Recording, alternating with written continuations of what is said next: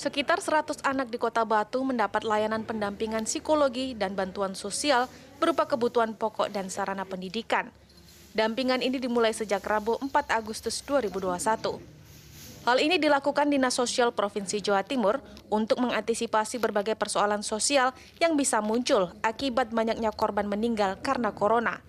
Selain dampingan psikologi, Dinsos Jatim memberikan jaminan pendidikan melalui unit-unit pelayanan terpadu itu kita lakukan asesmen, kita melakukan layanan dukungan psikososial. Jika di keluarga itu ada anak-anak yang mungkin masih usia 2 tahun, 10 tahun misalnya, nah mereka itu di asesmen, di, dilakukan upaya bagaimana psikososialnya itu bisa kembali pulih. Itu menjadi PR bagi kita bagaimana uh, melakukan upaya agar mereka itu tidak terpuruk dari sisi ekonomi.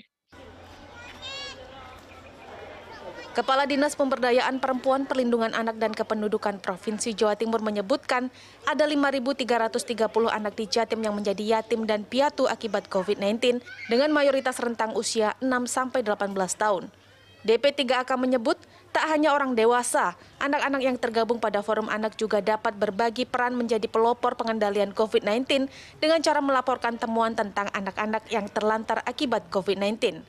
Upaya ini diharapkan dapat mencegah bahaya perdagangan anak dan pengaruh paham radikal yang dapat menyusup pada anak. Anak-anak dengan stres yang tinggi dan anak yang kehilangan orang tua itu eh, dikhawatirkan nanti akan berhadapan dengan hukum baik dia itu pelampiasannya ke narkoba, kemudian ke kriminal dan sebagainya. Ini ini ini sangat berbahaya. Di sisi lain, Lembaga Perlindungan Anak Jatim menilai belum ada upaya perlindungan yang ramah yang dapat diterima dengan baik oleh anak-anak. Melalui forum anak memanggil, LPA mencatat berbagai keluhan dari anak yang mengaku merasa terintimidasi dan ketakutan saat melihat petugas dengan APD. Selain itu, pemerintah tidak cukup hanya menggunakan undang-undang darurat kebencanaan untuk menangani persoalan anak selama pandemi ini. Diperlukan membuka semua sistem undang-undang bagaimana untuk uh, anak yatim piatu gitu ya. Itu ada undang-undang untuk adopsi anak. Yang kita takutkan kan trafficking, jadi nanti diambil orang asing ya. Kalau Indonesia tidak mampu, seperti kasus tsunami kemarin kan akhirnya kita teriaknya kembalikan anak-anakku kan gitu ya.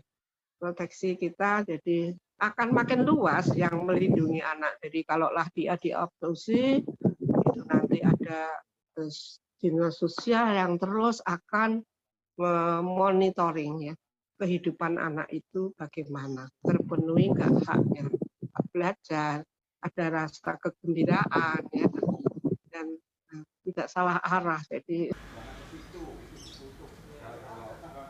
LPA Jatim menekankan edukasi pada masyarakat untuk membangun atmosfer sosial yang guyup tanpa perundungan pada keluarga yang terkena COVID-19 masih perlu digalakkan.